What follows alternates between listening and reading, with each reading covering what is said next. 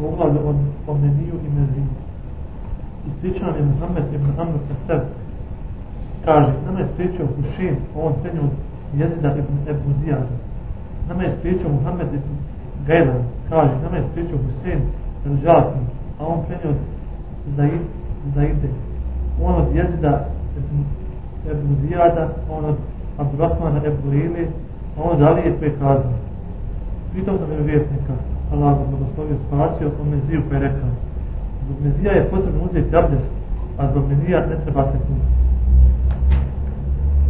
Tirmizija kaže, na ovu temu s hadisi zabilježen još i od Miktada ibn Efeda i od Ubeja ibn Kabe. Ebu Isa kaže, ovaj hadis je, hadis je Hasanun Sahih. Preneseno je preko Ali od vjerovjesnika Allah ga blagoslovio spašen više načina. Zbog mezija je potrebno abdest, a zbog mezija ne treba zbog menija se treba okupiti. Ovako misli većina u lebe da od sahaba i u koji Allah da blagoslovio spađa srevnika, Sabina i onih posljednjih. Tu je sad Sufjana, Šafi, Ahmeda i Isa. Ovaj hadis prenosi imam i tirmidi od Ali ibn Abi radijallahu ta'ala anhu koji kaže سألت النبي صلى الله عليه وسلم عن المذي فقال من المذي الوضوء ومن الم...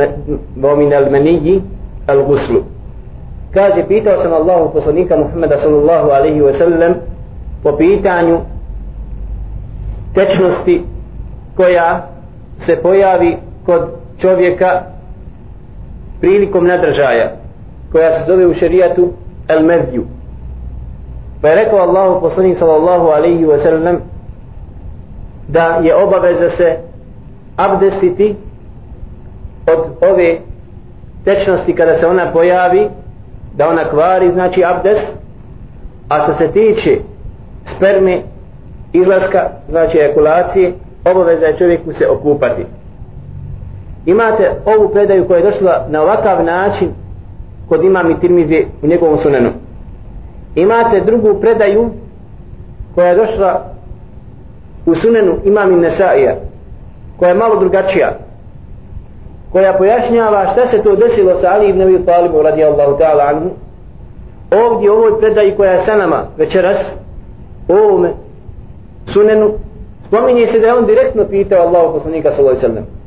Ali u sunenu od Nesaija spominje da je poslao Migdada u jednoj predaji Migdad ibn Asveda radijallahu ta'ala anhu a u drugoj predaji da je poslao Ammar ibn Jasira radijallahu ta'ala anhuma jer kaže Ali ibn Abi Talib kuntu rajulan madza'a bio sam čovjek kome veoma često se pojavljivala ova znači tekućina odnosno tečnost.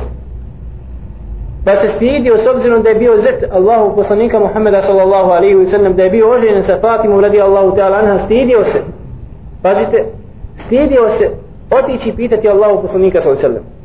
Pa je on napravio sami čtihad potrudio se znači da on postupi po onaj po svome ištihadu kako on razumijevao vjeru. Tako da se za svaki kupojavu ove tečnosti kod njega kupao. Do te mjere da ima predaja a, da je doslovno došla da mu je slomila leđa.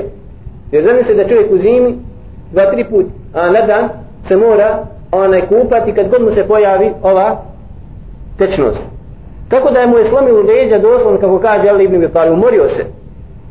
Iz ovog pazite iz ovoga ima iz ovog primjera vidimo da nije uvijek šerijat dolazio da odgovori na istihada sahaba ovo je veoma bitna mesela.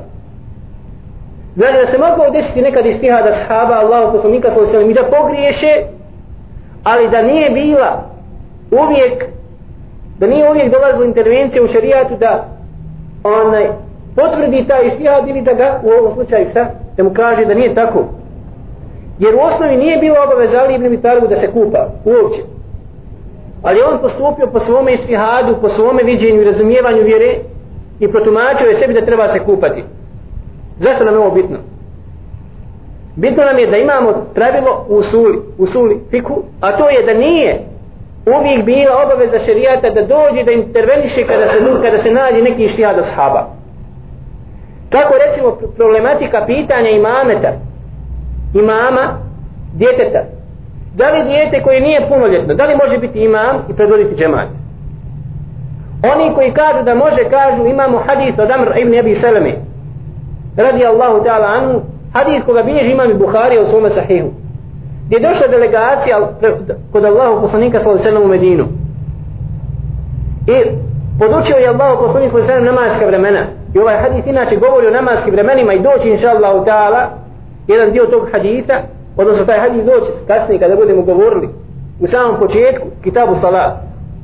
U samom početku knjige koja govori o namazu sunan tirmidhi. Ali osnova je njegova da se nalazi u Sahih Bukhari gdje je došla ta delegacija gdje je Allah poslanik sallallahu alejhi podučio od kada do kada je jedno namasko vrijeme. I ovaj dječak koji još nije bio punoljetan Amr radi Allahu ta'ala anu je najviše znao Kur'ana. Pa kada su pitali Allahu poslanika Muhammeda sallallahu alaihi wa sallam pazite ko će nas predvoditi u džematu? Ko će nam biti imam kad se vratimo? Kaže Allahu poslanik sallallahu alaihi wa sallam fali ummukum akraukum bi kitabi Allah ili bil Kur'an neka vas predvodi onaj koji najviše zna Kur'ana na pamet. I to je pravilo i to je mjerilo. Ko treba predvoditi džemat općenito? Pa kada su se vratili pazite vidjeli su da taj dječak koji je bio sa njima najviše zna Kur'ana na pamet. I napravili su ištihar i stavili su ga da bude on taj koji će predvoditi džemat hadis u Buhari Oto da oni koji kažu da je dozvoljeno da dijete koji nije punoljetno, prije punoljetstva prevodi džemat, uzimaju ovaj hadis Allahu poslanika sallallahu alejhi Ali može li ovo biti argument? Pazite. Može li ovo biti argument? Sa jedne aspekta može biti, a s drugog, stra, s drugog aspekta ne mora. Razumijete? Oni koji kažu da ne može ovo biti argument, kažu ovo pravilo koje smo mi sad malo prispomenuli. Razumijete? Da nije bila obaveza šerijata da kaže Allahu poslanik sallallahu alaihi wa sallam to što ste vi uradili je greška. Kao što nije Allahu poslanik sallallahu alaihi intervenisao šta? Na ištihad Ali ibn Abi Talib radijallahu ta'ala. Razumijete li? Oto da kažemo da nije ono ispravno mišljenje da dijete koje nije punoljetno može predvoditi džemat nego je uslov imameta punoljetnost. Bez obzira što imamo hadis u Sahih Bukhari jer je ovo bio ištihad ashaba a ištihad ashaba može nekada biti pogrešan a da ne uopće ne reaguje i da ne interveniše Allahu poslanik sallallahu alaihi wa sallam kao što nije reagovao na razumijevanje ištihad Ali ibn Abi Taliba radijallahu ta'ala u ovom slučaju kao što nije re, reagovao Allahu poslanik sallallahu alaihi wa sallam na ištihad. Također ashaba Sahm ibn Hunayfa, koji se također isto kupao kao što je kao što se kupao Ali ibn Abi Talib. I kao što nije reagovao Allahu poslanik sallallahu alaihi wa sallam nerazumijevanja ashaba ovog hadita pa su stavili dječaka koji nije bio punoljetan da predvodi džemat. Oto da kažemo da dijete koje nije punoljetno, mladić, znači koji nije punoljetan, ne može predvoditi džemat, ne može predvoditi džemat i to je ispravno mišljenje bez obzira što imamo ovaj hadit na ovakav način u Sahih Bukhari. Razumijete li? Pa je došao Ali ibn Abi Talib radijallahu ta'ala u ovoj predaji da je pitao on Allahu poslanika sallallahu alaihi wa sallam. A u drugoj predaji vidimo ahlak Ali ibn Abi Taliba radi Allahu ta'ala anhu koji se stidio da ode i da pita Allahu poslanika sallallahu alaihi wa sallam kako će ga pitati ovim intimnim stvarima? Ovim stvarima znači koje nisu baš zgodne da se pitaju nekoga komu je punac pa je na ovakav način postupio što je poslao Mikdada a u drugoj predaj Jamar ibn Jasira. Tako da islamski učenjaci razgovaraju kada su pitanje ova dva haditha da li je zaista Ali ibn Abi Talib došao pitao ili je poslao onaj Amara ili Mikdada pa kažu jedan dio islamskih učenjaka da je Ali ibn Abi Talib poslao nekog od njih ili čak dvojicu a ovo što je rekao u ovom hadithu Ali ibn Abi Talib da je on pitao Allah poslanika svoj je dozvoljeno reći u arapskom jeziku. Jer čovjek kad nekog pošalje ima pra, ili mu naredi nešto da uradi ima pravo da kaže da on to uradio. Razumijete li? Kao što je to poznata stvar u jeziku da čovjek može reći pita ko je napravio ovu džamiju kaže napravio predsjednik države. Nije napravio predsjednik države šta? Nego naredio da se napravi ta džamija ili tome slično ali s obzirom da je on poslao ili da je on oporučio nekoga da uradi, dozvoljeno je reći u arapskom jeziku, kao što je to u ovom slučaju rekao Ali ibn Abi Talib radijallahu ta'ala anhu. Dok drugi dio islamskih učenjaka kaže ne, nego je on poslao prvo Amara kako je došlo u onoj predaji, pa je otišao ponovo kasnije da provjeri i da ponovo upita Allahu poslanika sallallahu alaihi wa sallam. Bilo kako bilo, nema kontradiktornosti između ova dva hadita Allahu poslanika sallallahu alaihi wa sallam. Pa je upitao Ali ibn Abi Talib Allahu poslanika sallallahu alaihi wa sallam šta će uraditi prilikom pojavljivanja ove tečnosti koja izlazi kod čovjeka i kod žene onaj prilikom nadražaja. Da li će se okupati ili je? To stvar kao što je stvar sa mokraćom što znači da bi samo pokvarilo abdest i bila bi obaveza da se čovjek tada abdesti od ovoga. Pa Allah poslanih svoje sredem odgovorio da je obaveza čovjeku u ovom slučaju uzeti abdest i da nije uopće obaveza da se čovjek okupa a da treba se okupati u slučaju znači ejakulacije